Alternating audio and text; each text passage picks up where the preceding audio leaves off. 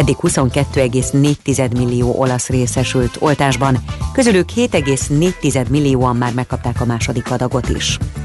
Kiemelkedő nyár jön a belföldi turizmusban, telt ház lesz mindenhol.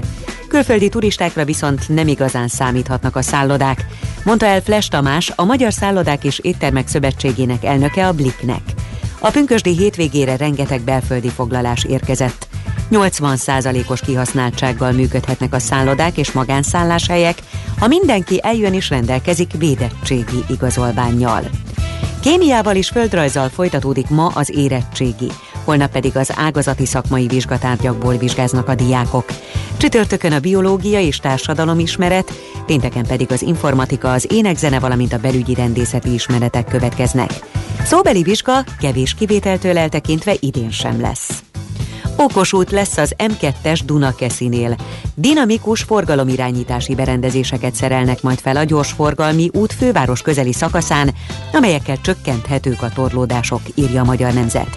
A kivitelezési tervek elkészítésére kiírt nyílt közbeszerzés már meg is jelent az Európai Unió közbeszerzési értesítőjében. A tendernyertes feladata lesz az útépítési, vízépítési, forgalomtechnikai és egyéb kapcsolódó feladatok megtervezése. A dinamikus forgalomirányítás lényege, hogy a távoli irányító központban valós időben értesülnek az adott útszakasz forgalmi állapotáról, és igyekeznek beavatkozni az esetleges torlódások elkerülése érdekében. És híreink végén az időjárásról. Napos száraz időnk lesz ma, legfeljebb helyenként lehet kevés felhő az égen. A déli, délkeleti szél az Észak-Dunántúlon megerősödik. Napközben 26 és 30 Celsius fok között alakul a hőmérséklet. Holnaptól néhány fokkal hűvösebb lesz, záporokra, zivatarokra is számítani kell. Köszönöm a figyelmet, a hírszerkesztőt Schmidt-Tandit hallották. Budapest legfrissebb közlekedési hírei, itt a 90.9 jazz a fővárosban baleset történt a Kvassai Jenő úton a Soroksári útnál. A Sziget központ irányából érkezők készüljenek fennakadásra. A Soroksári úton kifelé lezárták a külső sávot. Egybefüggő a kocsisor a nyugati téri felüljáron befelé, a Bajcsi Zsilinszki úton és az Andrási úton a közös csomópont előtt, valamint a Múzeum körúton az Asztória irányában és torlódásra kell készülni a 10-es főúton Sojmártól az Óbudai temetőig, az M1-es és az M7-es autópálya közös bevezető szakaszán az Egér úttól és tovább a Budaörsi úton is, illetve a Hűvösvölgyi úton és a Budakeszi úton befelé.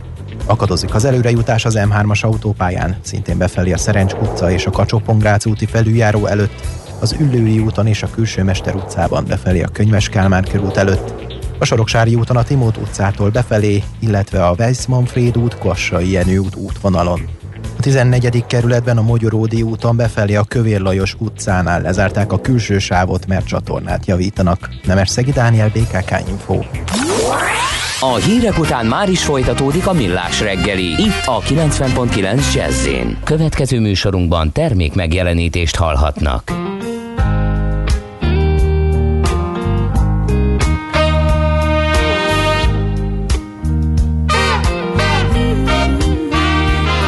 When it's not always raining, there'll be days like this. When there's no one complaining, there'll be days like this. Everything falls into place like the flick of a switch.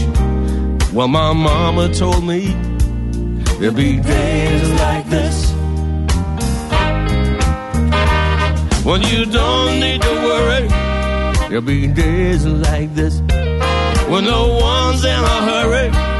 There'll be days like this when you don't get betrayed by that old Judas kiss. Oh, my mama told me there'll be days like this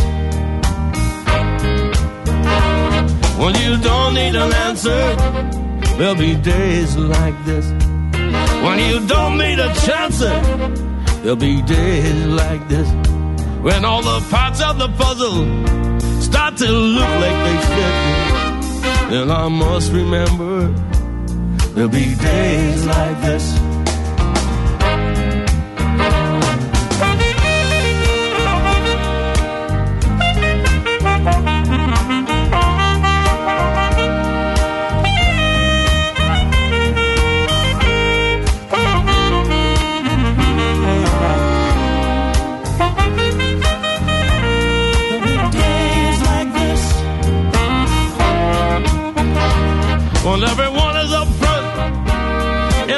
Playing tricks. When you don't have no freeloaders out to get their kicks.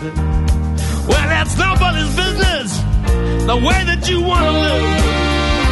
I'll just have to remember there'll be days like this. When no one steps on my dreams. There'll be days like this. When people understand what I mean. There'll be days like this. When you ring out the changes of how everything is. Well, my mama told me there'll be days like this. Oh,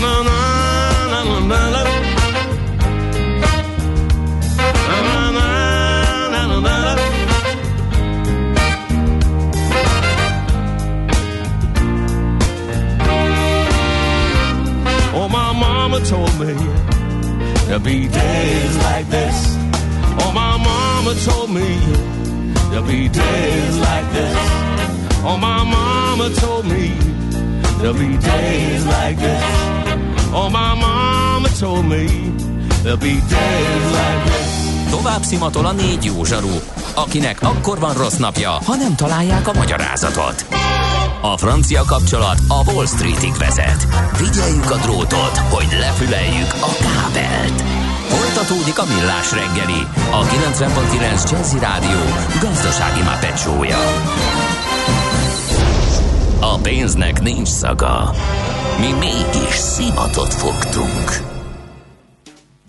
Jó reggelt kívánunk, ez továbbra is a Millás reggel itt a 90.9 Jazzy Rádióban, mégpedig Mihálovics Andrással. És ráadásul Kántor Endrével. És a kedves hallgatókkal, akik küldenek nekünk üzeneteket, köszönjük szépen többek között azt is, hogy Dózsa György út, Andrási út, Hősök tere kettős buszkaramból. Ott tehát nehéz lesz a közlekedés, köszönjük szépen. És természetesen sok minden, amit a az elhangzottakhoz írtak a hallgatók, ezt megpróbáljuk majd, vagy legalábbis szemezgetünk belőle a műsor végén. Nem ma, és nem mi találtuk fel a spanyol viaszt. Mesél a múlt. A millás reggeli történelmi visszatekintő rovata akkor, abból az időből, amikor pödört bajusz nélkül senki nem lehetett tőzsdeüzér. Érdekességek, évfordulók, események annó. Mesél a múlt. Így trédeltek dédapáink. Itt van velünk Katona Csaba, történész. Szervusz Csaba, jó reggelt! Szervusztok, jó reggelt kívánok! No, hát Magellán, bátor felfedező, önhit hódító, és a Fülöp-szigetek kapcsán éppen e, természetesen szóba került ő is, amikor adóvilág rovatunkban ott jártunk. E, ráadásul ugye e, gyakorlatilag e, éppen, hogy csak egy pár napja múlt el halálának dátuma, e, április 27-e, amikor is 1521-ben e, életét vesztette a Fülöp-szigeteki Maktan szigetén, amikor is a benszülöttek ellen hadakozott. De mit tudunk magáról Magelláról? Mert ugye ennyi talán belopózik a fejekbe, hogy az első hajós, aki körbehajózta a Földet, ami inkonkréton nem igaz, hiszen, mint tanult kollégám megjegyezte, Maktan szigetek, a Maktan szigetén áldozatul esett a benszülöttek elleni háborúban, tehát ő nem kerülte meg a Földet, de az általa indított expedíció már igen. No, hát mindaz, ami elhangzott, már is indokolja, hogy miért érdemes foglalkozni Magellánnal. Ugye több olyan történelmi személyiségről beszéltünk már, akit egy-egy info, és nem is feltétlenül helytálló info, úgymond fogjul ejtett, egy dolgot tudunk róla, vagy vélünk róla tudni, és ez így elfedi a személyiségét, meg egyéb tetteit. És hát Magellán kapcsán ez tökéletesen megállja a helyét, mert valóban ő az, akit úgy szoktunk emlegetni, aki elsőként kerülte meg a Földet, de hát ahogy az itt elhangzott, ugye mindkettőtöktől, erre neki nem volt lehetősége, mert a Fülöp-szigeteken véget ért az útja, már pedig nem a Fülöp-szigetekről indult, hanem ugye Szevillából legjobb tudomásom szerint, tehát Spanyolországból. Ugye van is egy ilyen viccgyűjtemény, hogy a világtörténelem nagy jei, és a Magellántól hangzott el a következő, hogy hés kacok, nem innen indultunk? Hát ilyet ő nem mondhatott. De az expedíciónak egyetlen hajója megkerülte a Földet. Akkor nézzük meg, ki volt ez a Magellán, akinek egyébként a személyét már olyan értelemben is komoly vita övezi, hogy ugye róla nevezték el az expedíciót, ő volt az expedíció parancsnoka, róla nevezték el ugye a Magellán szorost, ahol ugye megkerülte Dél-Amerikát.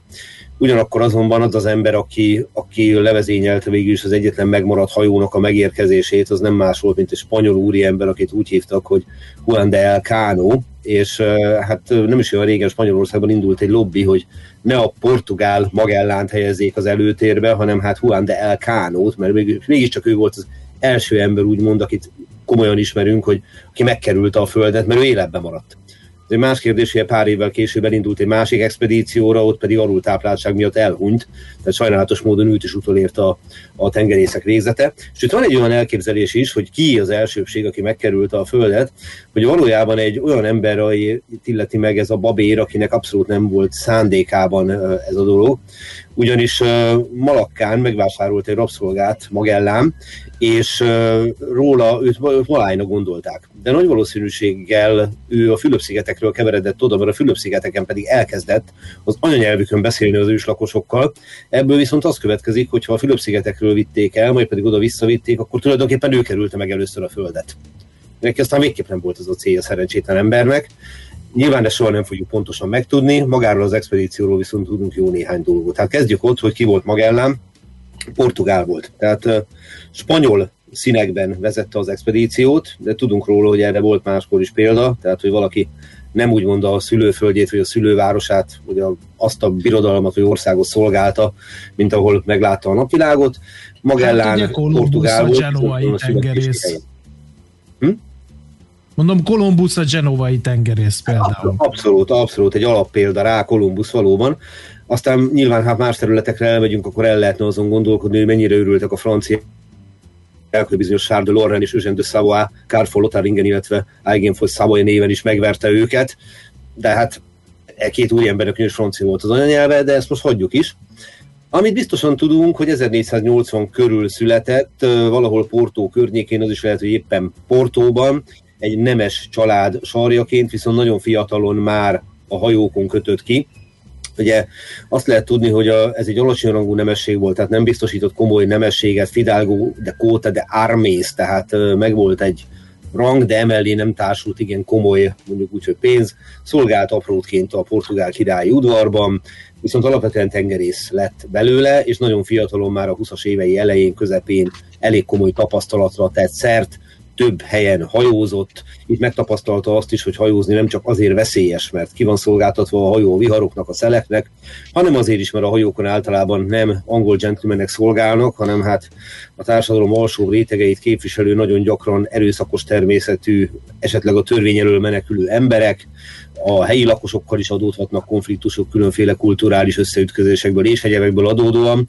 Tehát elég hamar megtanulta azt, hogy hajózni bizony kemény dolog. Hát meg ugye az és... akkori, akkori hajósoknak elég furcsa volt a humánpolitikai módszerük, ugye a kikötőkbe nemes egyszerűséggel leítatták szerencsésebb esetben, szerencsétlenebb esetben kötéllel összefogdosták, akiket találtak, és akik aztán utána a hajón arra ébredtek, hogy ja, mától tengerész vagyok. Ez bizony így van, tehát a hajón szolgáló emberek egy része menekült a törvény elől, más része a reménybeli zsákmány jegyében ment oda, és bizony volt egy csomó, akit kényszerrel, kényszerrel fogtak meg, tehát csak úgy, mint ahogy a katonákat is toborozták nagyon sokszor, hogy egész egyszerűen vagy nyers erőszakkal, vagy pedig valóban a leítatás után vitték oda. Tehát ne úgy képzeljük el a felfedezők hajóit, hogy csupa mélyen pallérozott tudású földrajz tudós várta azt, hogy milyen állatfajokat és milyen növényeket fognak fölfedezni, meg milyen földrajz érdekességek várnak rá, hanem fogalmazunk egész egyszerűen, vagy kalandorok, vagy pedig olyan emberek voltak, akik önszántuk ellenében keveredtek ide. Na most Magellánnak a legénysége is ezen a bizonyos expedíción, ami, ami elindult 1519-ben, hát nagyjából hasonló emberekből állt.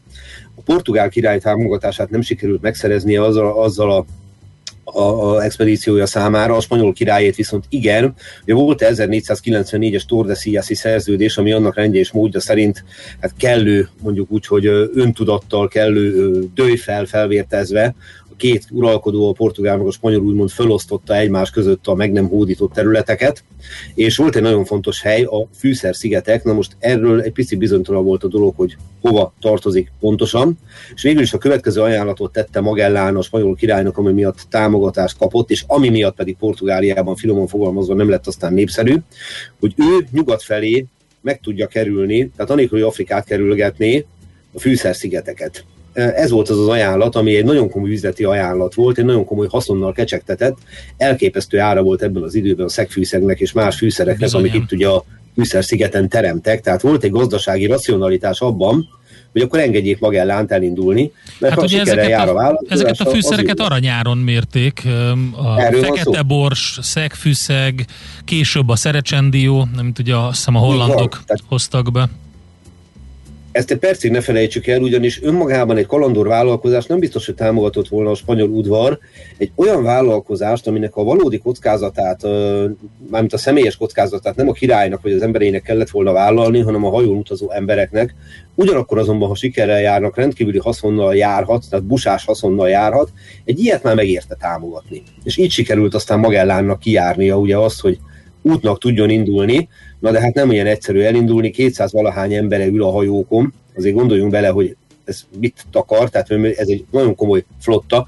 239 főről tudunk, és 5 hajó volt, ugye a Trinidad volt az ászlós hajó, ezen parancsnok volt Magellán, és a San Antonio, a Concepción, a Victoria és a Santiago. Ezek voltak azok a hajók, amikkel ő elindult. Már önmagában problémát okozott az, hogy egy hajó kivételével a többi hajón értelemszerűen spanyol kapitányok szolgáltak, és nekik nem nagyon tetszett ez az elképzelés, hogy egy portugál parancsoljon nekik. Ebből aztán később nagyon komoly problémák adódtak. De minden esetre a hajók elindultak, megérkeztek Dél-Amerikához, és ott kétségbe esve keresték Dél-Amerika északi részénél az átjárót. És közben ugye a hajósokat többféle probléma sújtotta, bántotta őket a skorbut, amit ugye hát ma már tudjuk, hogy viszonylag könnyen ki lehetett volna védeni, valószínűleg egy kis titromlé segítségével, többen odavesztek, egy alkalommal majdnem a Trinidad a vezérhajó is, mert hogy viharok is voltak, meglazultak a bordák, lékek keletkeztek. Az egésznek az lett a vége, hogy lázadás tört ki, és ezt a lázadás Magellán, ahogy azt a tengerészeknél abban az időben csinálni szokták, nagyon kemény eszközökkel verte le. A spanyol kapitányok egy része az ellene fordult, ezek között volt olyan, akit egész egyszerűen kirakott a partra, egy másikat, aki elesett az ellene folytatott küzdelemben, holtában felnégyeltetett, olyan is volt, akit lefejeztetett. Tehát ebből azért látszik, hogy mentális... Nem volt egy lelki világú finom úriember Magellán sem. Nem, nem, de ugye nagyon nehéz ezt megítélni, ugye a mai emberi és jogi kategóriák szerint ez elképzelhetetlen, hogy valami hasonló történjen, és ez éppen jól van így. Másról persze fel kell tenni a kérdést, hogy olyan, olyan helyzetben, amikor a kapitányai közül a négyből három ellene fordul, akkor volt-e más eszköze, amivel ezt a fellazult fegyelmet, hogy finoman fogalmazzak, vissza tudta volna állítani, és belértve persze a saját személyes presztízsét, a saját tekintélyét is. De akárhogy is van, ezek a kemény eszközök, ezek eredményre vezettek, és a hajók tovább tudtak indulni. Meg tudták végül is kerülni ugye a Magellán szorost, felfedezték ezt a szorost, és így módon sikerült átjutni, úgymond Dél-Amerikának a déli fokánál. De hát itt újabb kudarc várt rájuk. Az volt ugyanis az elgondolásuk, hogy innen pár nap alatt elérik majd a fűszer-szigeteket.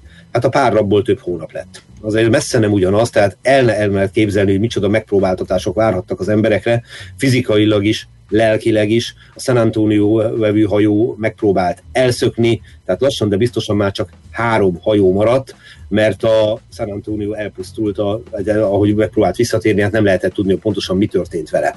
Minden este sikerült átjutni a csendes óceánra, és ahogy előbb említettem, fogyatkozott a legénység létszáma, és különböző okok miatt fogyatkozott természetesen a hajók létszáma is, de végső soron mégis sikerült megoldani azt a problémát, hogy elérjék ugye a csendes óceánt. Így jutottak el aztán, annak rendje és módja szerint még mindig nem a Fűszer-szigetekre, ami az eredeti cél volt, hanem ugye a Fülöp-szigetekre. És itt, amikor már közel 2000 kilométert tettek meg, gondoljunk bele, hogy ez micsoda iszonyatos nagy szám. Tehát még mai... Hát főleg azzal a sebességgel, amit a korabeli karavellák tudtak. Erről van szó. Tehát még a mostani tengerjáró hajón is rettenetes hosszú út lenne, 19-ben indultak, és március 16-án 1521-ben érnek a Fülöp-szigetekre. Még nincsenek a céljuknál, a Fűszer-szigeteknél. És itt a Fülöp-szigeteken történik meg az a dolog, amit, ami itt már elhangzott az elején, amit Endre említett, hogy hát eleinte úgy békésnek indul ez a viszony a őslakosok, illetve Magellán között. Tehát Magellánnak azért vannak különféle ígérvényei a spanyol királyról, például 5% a meghódított területek hasznából, kormányzói tímnek hasonló, megpróbálja a kereszténynek megtéríteni a Fülöp-szigeteki lakosokat, ez mérsékelt sikert hoz, részsikerekről beszélhetnek, de végső soron konfliktusba keveredik velük, és Magellán hátrahagyva az emberi egy részét, mint egy 50 emberrel ö, szembeszáll a szigetlakókkal, és hát ebből a, ebből a fegyveres konfliktusból úgy jön ki, pontosabban nem jön ki, hogy megsebesítik, és nagy valószínűséggel bunkókkal agyonverik. És ugye ez az a pont, Egyébként a most felhorgathatnak a hallgatók, hogy 50 ember és hogy, hogy nagyon-nagyon sok ezer benszülöttel kellett szembenéznie, de ne feledjük el a konkvisztádorok példáját, ugyanis Pizarro meg Hernán Cortez nem sokkal több emberrel világbirodalmakat igáztak le, egész egyszerűen azért, mert hogy olyan fejlett volt a technika az akkori természeti népekkel szemben, a muskéták, a páncélok, a, a tűzfegyverek, hogy, hogy eleve néhány tucat emberrel le lehetett győzni több ezret. Arról nem is beszélve, hogy ez a technikai fölény ilyen mítikus félelmet generált az őslakókba, akik egész egyszerűen sebezhetetlennek hitték a spanyol és portugál hódítókat, ugye a páncéljaik miatt.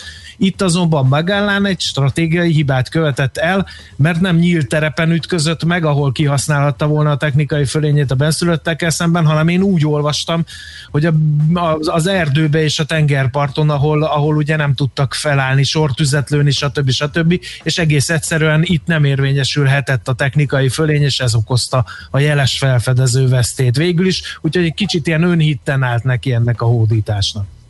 Így van, ez amennyire ki lehet bogozni a fennmaradt forrásokból, valóban a tengerparton kerül sor az összetűzésre, tehát ahogy rögtön a, megvetették a lábukat, ugye a spanyolok meg a portugálok azonnal rájuk támadtak, és hát még a, a expedíció egyik krónikása, aki ugye később megírta a történteket, Antonio Pigafetta is megsebesültek, arcon lőtték egy mérgezett nyillal, és hát nagyon úgy néz ki, hogy meghalt összesen nyolc spanyol, és négy olyan szigetlakó, aki pedig az ő oldalukon szállt harcba. Tehát ugye egy része a ottaniaknak szimpatizált velük.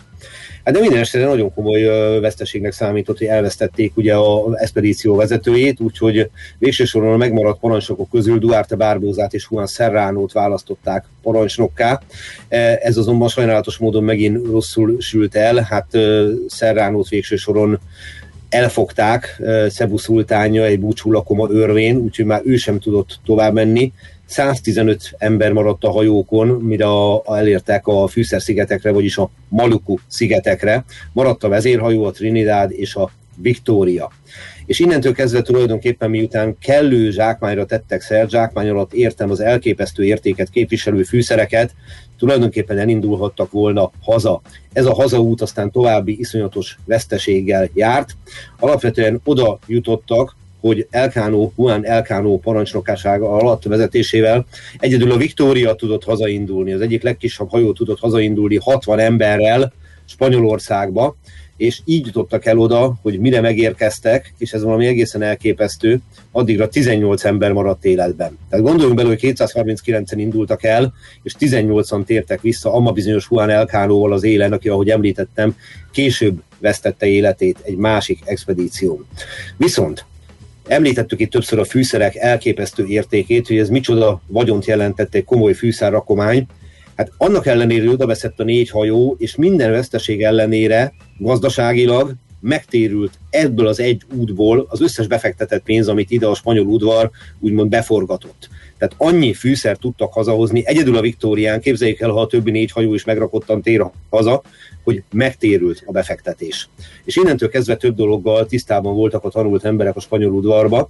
Egyfelől innentől kezdve nem lehetett kétséges, hogy a föld megkerülhető, hogy megvan a nyugati átjáró a fűszerszigetek felé, tehát egy nagyon komoly gazdasági lehetőség nyílt Spanyolország előtt, és hát még az is egyértelműen kiderült a különféle feljegyzésekből, ami ugyancsak a föld megkerülhetőségét bizonyította, ugye, hogy észrevették a hajón utazók, hogy eltér a napoknak a megnevezése, mert hogy a szerda maga csütörtök úgy egymásra csúszik, majd pedig fölváltja egymást. Hiszen ugye, ahogy megkerülték a földet, Vili fog vagy Fileász fog, az a plusz-minusz egy nap, ezzel ők is szembesültek.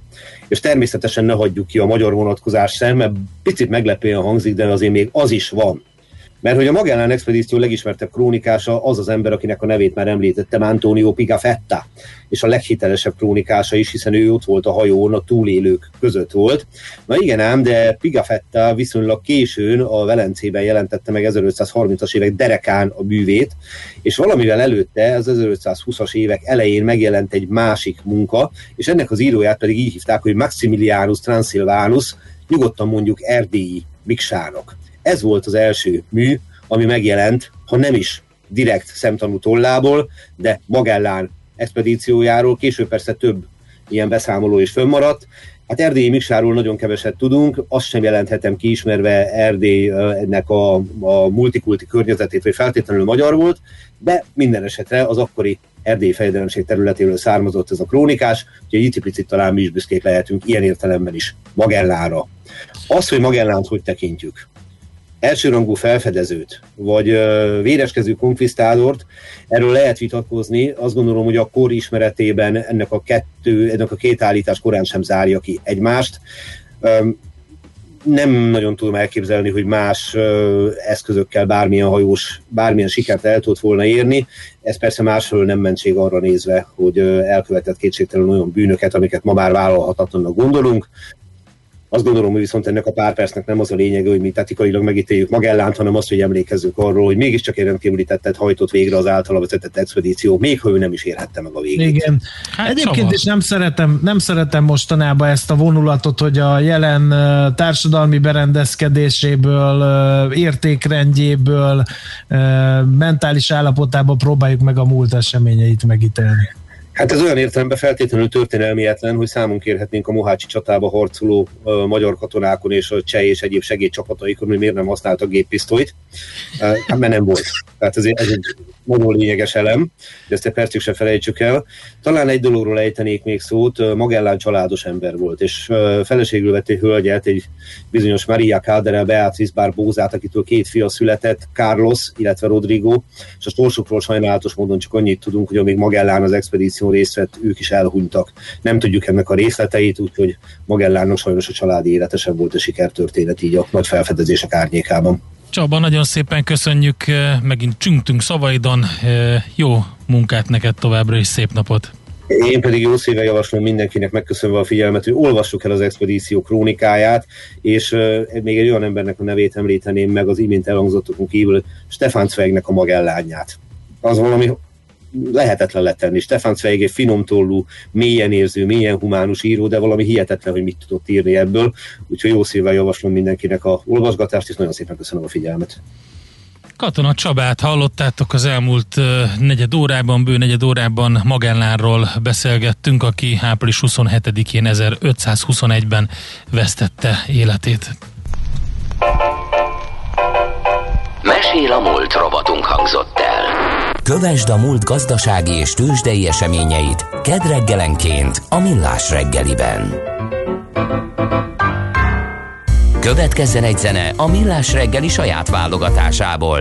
Mindenkinek, aki szereti.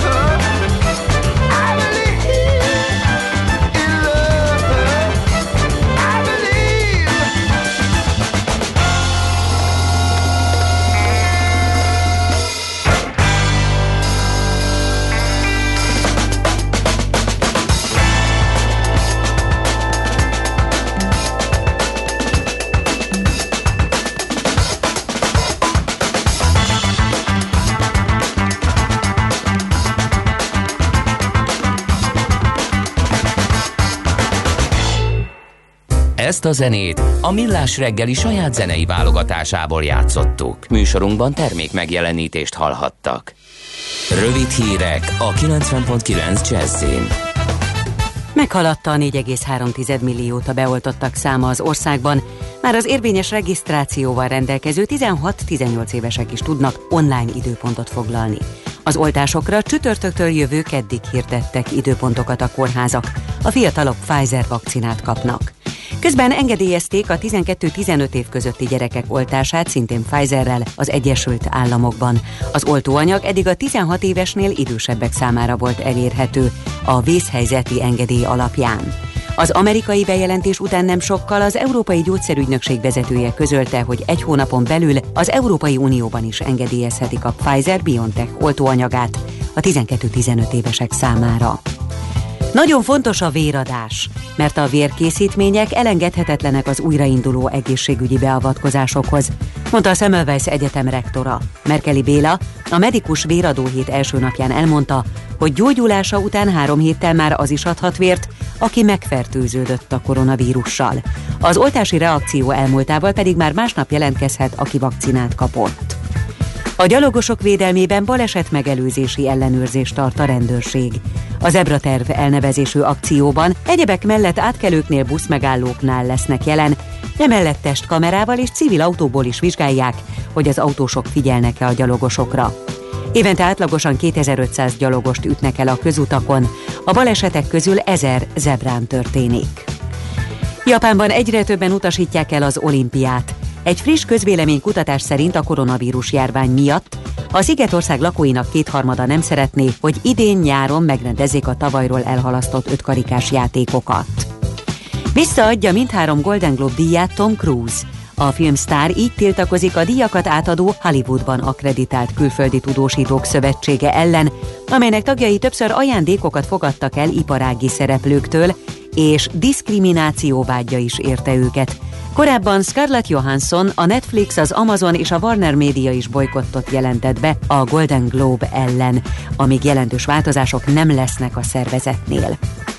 Napos száraz meleg időnk lesz ma, legfeljebb helyenként lehet kevés felhő az égen, a déli délkeleti szél az Észak-Dunántúlon megerősödik, napközben akár 30 fokot is mérhetünk majd. Holnaptól néhány fokkal hűvösebb lesz, és záporokra, zivatarokra is számítani kell majd. Köszönöm a figyelmet, a hírszerkesztő Csmittandit hallották. Budapest legfrissebb közlekedési hírei, itt a 90.9 jazz a fővárosban baleset történt a Dózsa-György úton a Hősök terénél a Tököli út irányában, a külső sáv nem járható. Továbbá tart a helyszínen és a Soroksári út, Kvassai Jenő út csomópontban, a környéken fennakadást tapasztalhatnak. Egybefüggő a kocsisor a nyugati téri felüljárón befelé, a Bajcsi Zsilinszki úton és az Andrási úton a közös csomópont előtt, valamint a múzeum körúton az Asztória irányába. Torlódásra kell készülni a tízes főúton Solymártól az Óbudai temetőig, Továbbá lassulásra számíthatnak a Szélkálmán tér és a Klarkádám tér környékén, az Árpád fejedelem útján a Margit híd előtt, a Budai alsó rakparton a Zsigmond térvonalától a Halász utcáig és észak irányban a Petőfi hídnál, valamint a Pesti alsó rakparton a Szent István parktól a Lánchídig. A 13. kerületben a Béke utcában befelé a Pozsonyi utca folytatásában az aluljáró után a külső sávot lezárták, mert csatornát javítanak. Továbbá mától a 14. kerületben a Szugló utcában a Rózsavölgyi térnél útszűkületre kell készülni gázvezetéképítés miatt. Nemes Szegi Dániel, BKK Info. A hírek után már is folytatódik a millás reggeli, itt a 90.9 jazz Következő műsorunkban termék megjelenítést hallhatnak. Tőzsdei és pénzügyi hírek a 90.9 jazz az Equilor befektetési ZRT szakértőjétől. Equilor, 30 éve a befektetések szakértője. Deák Dávid üzletkötő a vonalban, szervusz, jó reggelt!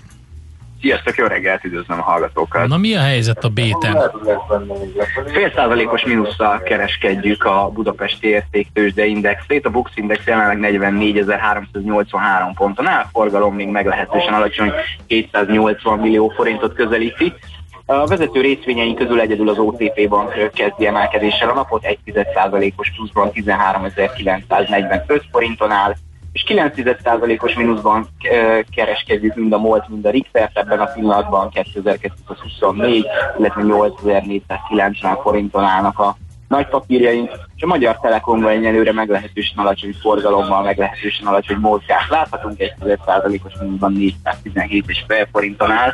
Azonban azt el kell mondani, hogy ez a 410%-os mínusz a Budapesti értéktőzsde esetében még így is meglehetősen felül teljesítő, hiszen az inflációs várakozások miatt elég nagy mínuszokat láthatunk itt a az európai indexekben, mind a német DAX, mind a párizsi Kakaron 1,8%-os mínuszban és a londoni FUCI 2% fölötti mínuszban kezdi a Hát igen, mondtuk is, hogy a, az amerikai ö, befékezés a nap végén az ugye nem hatott Európára, de Ázsiát azt így csúnyán odavágta, és lehet, hogy ez ö, látszik most az európai tőzsdéken is.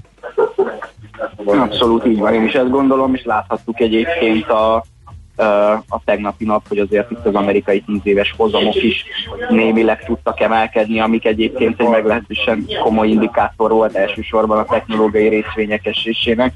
Uh, és én azt gondolom, hogy ez is elindította egyébként az európai rossz hangulatot is. Oké, okay, tehát felül teljesítő a Bux, mi van a forinttal?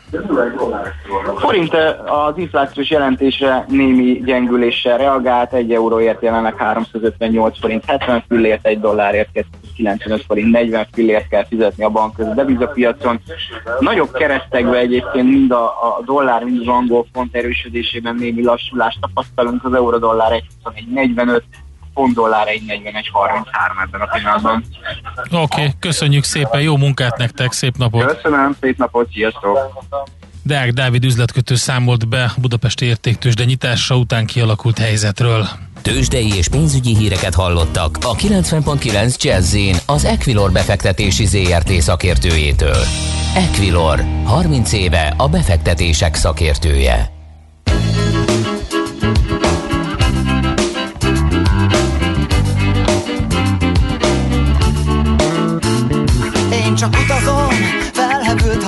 Hazátlan utakon Mutatom magam, a unalom lassan.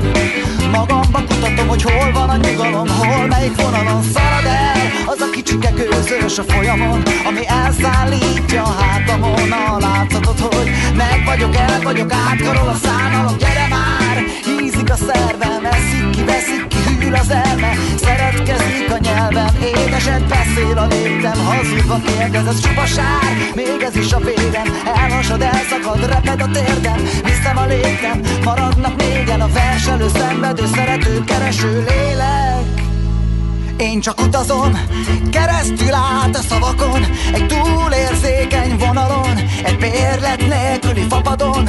Nyugalom, én csak utazom Keresztül át a szavakon Egy túlérzékeny vonalon Egy bérlet nélküli fapadon.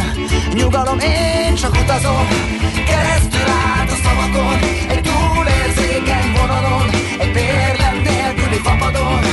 Nyugalom, én csak utazom szavakon Egy túlérzékeny vonalon Egy bérlet nélküli fapadon Nyugalom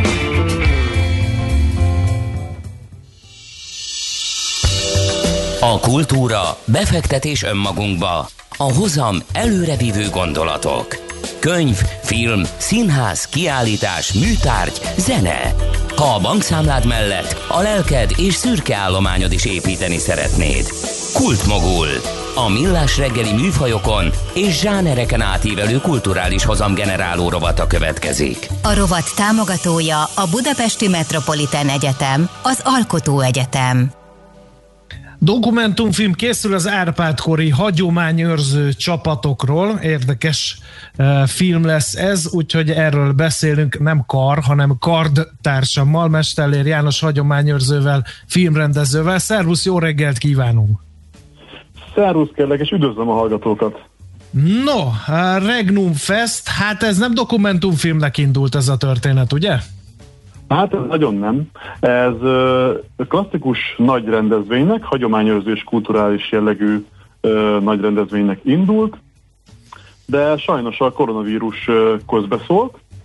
Eredetileg ez Szabolcs várába és Tokajba lett volna megtartva, még tavaly szeptemberre terveztük a rendezvényt, aztán tavaszra kellett halasztanunk a pandémia miatt, és amikor láttuk, hogy sajnos ez idén se lesz megvalósítható, akkor jött az ötlet, hogy ha a nézők nem tudnak eljönni magára a Regnum Festre, uh-huh. akkor a Regnum Festnek a fő látványosságát, a hagyományőrző csapatokat vigyük el a nézőkhez, és így lett ebből egy filmes projekt. Uh-huh. Um, hogy áll ez a filmes projekt? Uh, gyakorlatilag hogyan épült fel ez a történet a kezdetektől? Mert azért egy fesztivál az teljesen más műfaj, mint egy dokumentumfilm. Így van. Uh, nagyon-nagyon sok mindenkit nem tudtunk használni azokhoz képest, akik egyébként egy fesztiválra jöttek volna, viszont a fő látványossága magának a Regnum Festnek azok az árpádkori hagyományőrző csapatok, a nagyszámú árpádkori hagyományőrző csapat lett volna, és a, a filmben ő rájuk koncentrálunk. Tehát maga uh-huh. a mhm. dokumentumfilm azokról a hagyományozó csapatokról fog szólni, akik egyébként részt vettek volna magán a fesztiválon is. Hogyan kell ezt elképzelni? Hogy lesznek megjelenítve a csapatok? Uh, több mint tíz forgatási helyszínünk van, ahova van úgy, hogy egy, egy csapat, uh, egy hozzájuk kapcsoló forgatási helyszínre lett uh, kivéve, de van úgy, hogy több csapatot vontunk össze, nagyobb, grandiózusabb jelenetek felvétele szempontjából. Értelemszerűen olyanokat, akik mondjuk tudnak egymással együttműködni, és a, a felszerelésük, meg a tudásuk az, az, az, konvertál egymáshoz. Uh-huh. ilyen akciófilm-szerűen kell majd elképzelni ezt a dokumentumfilmet? Tehát csihi van benne, vagy életmódrekonstrukciókat is bemutattok? Is is. Uh, ahol lehetett azért uh, vettünk fel bőven akciójeleneteket, uh, ez, ez szinte minden forgatási helyszínen azért egy valamilyen szintű akció uh, megjelenik, de elsősorban itt, uh, itt uh, interjúzás folyt, tehát uh, a csapatok vezetőivel készítettünk uh-huh. interjúkat, és akkor az ő szövegük fogja végigvezetni. Magát. Tehát az a narráció az ő szövegük? Az lesz a, a fő vonulata. Az ő szöveg, lesz természetesen külön narráció is, ami vezeti a történetet, de, de elsősorban az lesz benne, amit ők elmondanak magukról, meg amit ők megmutatnak Aha. magukról. Ez a koncepció. És ha, hogyha még más uh, ilyen narratívát keresünk, vagy ilyen közös szállat, akkor mi az, ami köré, azon kívül, hogy a hagyomá, Árpád kori hagyományőrző csapatok köré összpontosít, mi az a, az, a, az a szál, ami végigmegy rajta? Én úgy olvastam, hogy Szent Lászlóhoz kapcsolódó mondák és krónikai történetek. Így van. Kettő sztori szálunk van, ami összeköti a hagyományozó csapatokat és a helyszíneket. Van egy utazó riporterünk, aki maga is hagyományőrző, az ő utazását, utazásán keresztül jutunk el, mint nézők a különböző helyszínekre és a különböző csapatokhoz, valamint a Regnum Festnek ikonikus alakja választott jelképe Szent László király, és az ő alakja révén a hagyományőrzők eljátszanak Szent László királynak, Szent László királyhoz kötődő elsősorban krónikai történetrészleteket, másodszorban mondai elemeket. Tehát megelevenedik a Szent László pénze, a vízfakasztás, a szekercével, stb. stb., amit ugye sok, sokszor sok helyet olvashatnak az iskolába járók. Így van, így van. Jó. No, hát néhány érzékeny kérdés. Mikorra lesz kész a film, és kinek szól tulajdonképpen, hol lehet majd megnézni ilyen néhány gyakorlati információt adj nekünk, kérlek. A tervek szerint ezen a nyáron mi elkészülünk a, a vágással. Gyakorlatilag most hétvégén van az utolsó forgatási napunk, nagy forgatási napunk, és utána már a vágásra fogunk csak is kizárólag koncentrálni. Direkt nem mondok pontos dátumot, de, de valamikor a nyáron, talán nyár közepére ezzel el tudunk majd készülni, uh-huh. és ez mindenképpen a nagy közönség számára online elérhető lesz, a Regnum Festnek a felületein, a honlapon és a Facebookon, de tervezünk neki egy, egy mozis ősbemutatót is, hogyha ez, ez összejön majd. Uh-huh. Szuper, néhány megint csak érzékeny kérdés. Kik kerültek be? Milyen szempontok szerint kerültek be a hagyományőrző csapatok? és ugye ezt nem véletlenül kérdezem, kicsit provokatív a kérdés, mert hogy ugye itt ismeretterjesztésről van szó, és hát volt egy kevésbé sikerült próbálkozás a pozsonyi csatáról, úgyhogy most minden ez iránt, a korszak iránt érdeklődő szeme rajtatok van. Hogy sikerül ezt a nagy elvárást megugrani, hogy látod? Így van, ezt érzékeljük.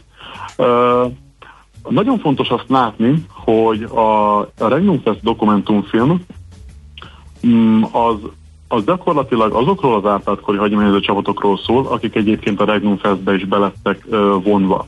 És ami itt uh, történni fog, meg ami, ami képileg bemutatkozik, azt uh, nem úgy kell nézni, mint egy mint, mint egy olyan filmet, ami az Árpád korba repíti vissza a nézőt, hanem a Regnum Fest film arról szól, hogy ma, 2021-ben ezek az Árpád-kori uh, csapatok mit képesek, uh, milyen szinten képesek uh, rekonstruálni egy adott uh, korszaknak egy bizonyos szeletét. Tehát ez, ez, ez a hagyományőrzőkről szóló dokumentumfilm.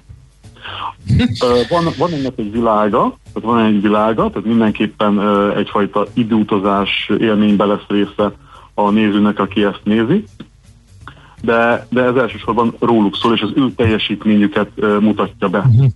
Tehát akkor most nem megyünk bele abba, hogy van-e rá lelet, használtak-e bőr, alkarvédőt és lamellás páncélt. Tehát most nem ilyen jellegű probléma megoldásra kell számítania, még azoknak sem, akik nagyon vágy füllel és vágy szemmel fogják nézni ezt az alkotást.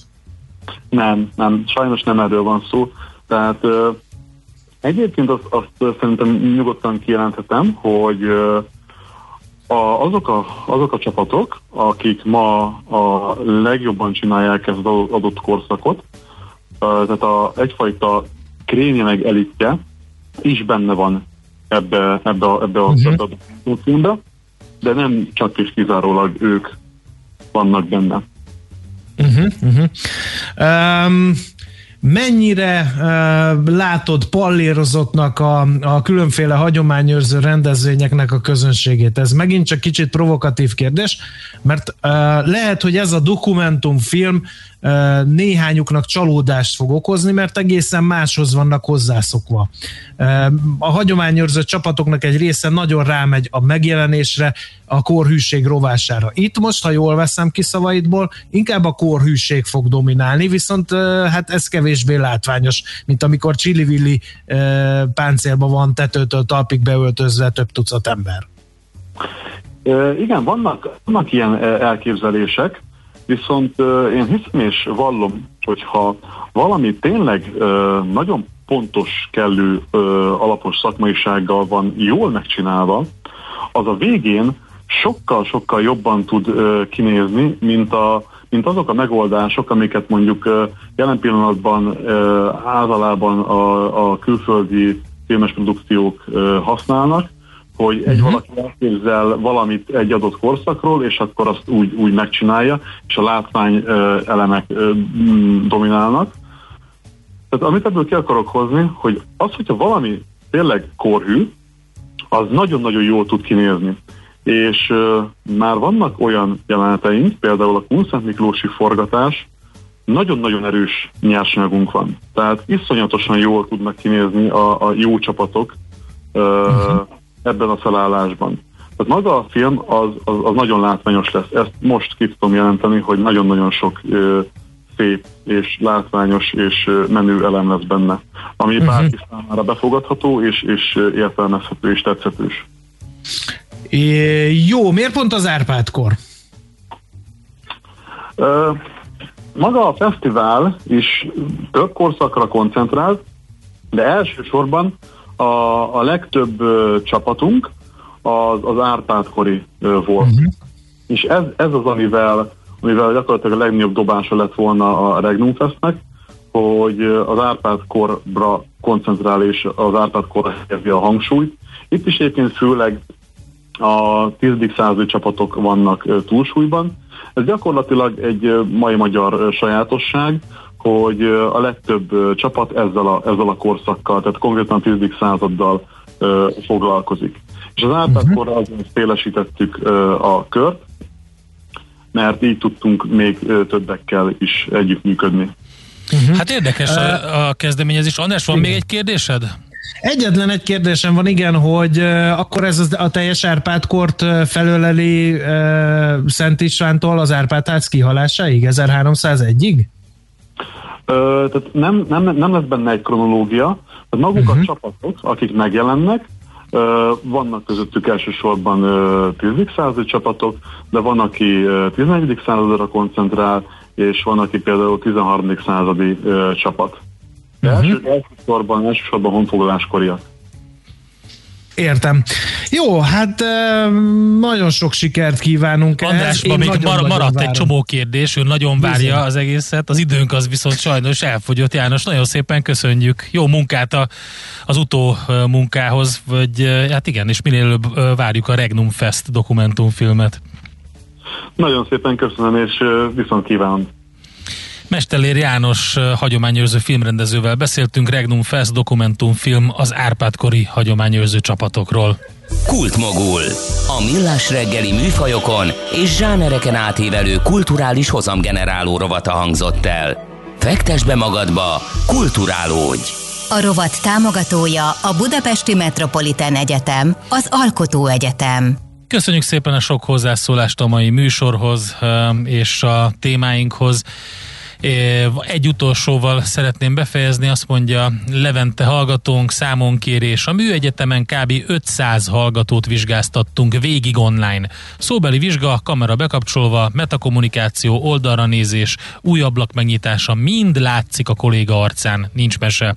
Ha az apuka írta a történelem dolgozat probléma, ez az infrastruktúra nem megoldás a középsuliban? Kérdezi ő, de ott is és természetesen még van rengeteg más módszer, úgyhogy reméljük, hogy a, azok a pedagógusok, akik értik, hogy miről van szó, nem terhelik agyon a diákokat csak a jegyekért. Köszönjük szépen a figyelmet!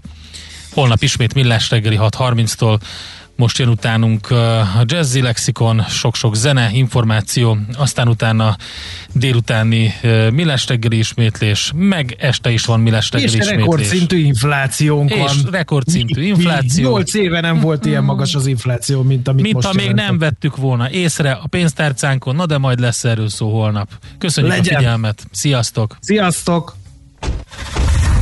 Már a véget ért ugyan a műszak, a szolgálat azonban mindig tart, mert minden lében négy kanál. Holnap reggel újra megtöltjük a kávés bögréket, beleharapunk a fánkba és kinyitjuk az aktákat. Addig is, keressetek minket az arcaktákban, a közösségi oldalunkon. A mai adás podcastjét pedig holnapunkon.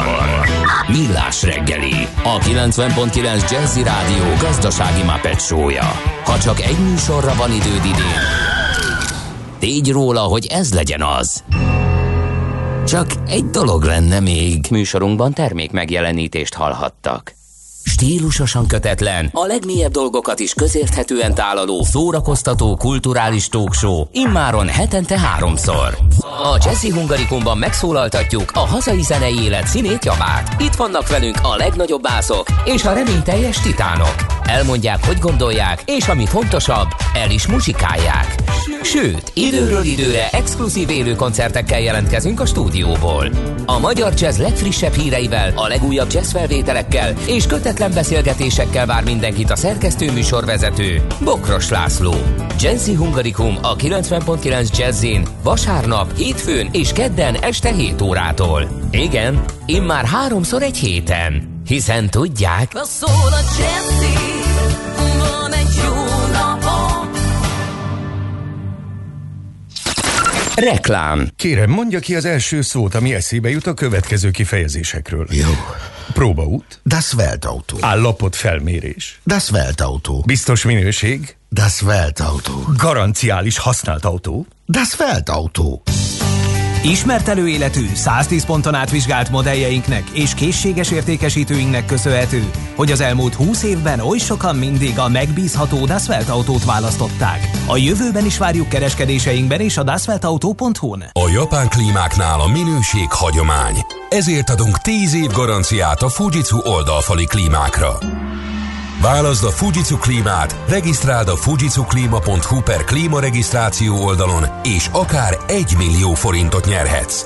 Válhatsz akár Fujitsu laptop tulajjá, és más izgalmas nyeremények is várnak rád a Fujitsu klímával.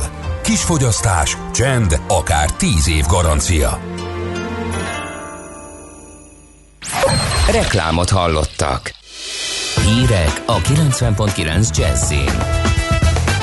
500 alatt az új fertőzöttek száma Magyarországon. Kiemelkedő szezonra számítanak a belföldi turizmusban. Ma még napos száraz, holnap viszont már esős idő várható, ma délután akár 30 fokot is mérhetünk itt Budapesten. Jó napot kívánok a mikrofonnál Schmidt Andi. Meghaladta a 4 millió 300 ezret a beoltottak száma idehaza. Szerdáig a regisztrált 16-18 évesek is tudnak online időpontot foglalni, igazolt hiányzásnak minősül, ha ez a tanítási időszakra esik, közölte az országos tisztifőorvos. Péntek estig 84 ezer fiatal regisztrált már, őket csütörtök és jövő kedd között oltják. Müller Cecília elmondta, a honvédségi oltóbuszokon kívül a házi orvosoknál is megkezdik az oltást az egydózis Janssen vakcinával. Közben újabb 200 ezer második körös Sputnik V oltóanyag érkezett hajnalban Magyarországra. Ez az utolsó szállítmány az oroszokkal kötött szerződés szerint. A jövő héten újabb kínai szállítmány is jön, összesen 1,7 millió adag Sinopharm várható még. Az operatív törzs legfrissebb jelentése szerint ma 493 új fertőzöttet azonosítottak, ugyanakkor 99 újabb halálos áldozata is volt a járványnak. Bár ennél kevesebb új fertőzöttet utoljára tavaly szeptember 13-án, vagyis a második hullám kezdetén jelentettek, annyira kevés tesztet végeztek, hogy a pozitív tesztek aránya még így is 2% ponttal meghaladja a WHO által ajánlott 5% os szintet. A magyar kormány álláspontja szerint a járvány megfékezéséhez viszont nincs szükség kiterjedt tesztelésre. Orbán Viktor szerint a járványt egyedül védőoltással lehet megfékezni. Holnaptól már Törökországba is szabadon utazhatnak azok a magyarok, akiket beoltottak koronavírus ellen. A kölcsönös megállapodásnak köszönhetően a magyar határ is nyitva áll azon török állampolgárok előtt, akik rendelkeznek a védettséggel. Már a Balatonnak is van miniszteri biztosa. Szári Zsolt Balás feladata a Balaton élővilágának megóvása lesz, derült ki a magyar közlönyből. A biztos Nagy István, agrárminiszter nevezte ki május 1-én, a kinevezés legfeljebb két évig érvényes. Kiemelkedő nyár jön a belföldi turizmusban, teltház lesz mindenhol. Külföldi turistákra viszont nem igazán számíthatnak a szállodák. Mondta el Flash Tamás, a Magyar Szállodák és Éttermek Szövetségének elnöke a Bliknek. A pünkösdi hétvégére rengeteg belföldi foglalás érkezett. 80%-os kihasználtsággal működhetnek a szállodák és magánszálláshelyek, ha mindenki eljön és rendelkezik védettségi igazolványjal. Okos út lesz az M2-es Dunakeszinél. Dinamikus forgalomirányítási berendezéseket szerelnek fel a gyorsforgalmi út főváros közeli szakaszán, amelyekkel csökkenthetők a torlódások, írja a Magyar Nemzet. A kivitelezési tervek elkészítésére kiírt nyílt közbeszerzés már meg is jelent az Európai Unió közbe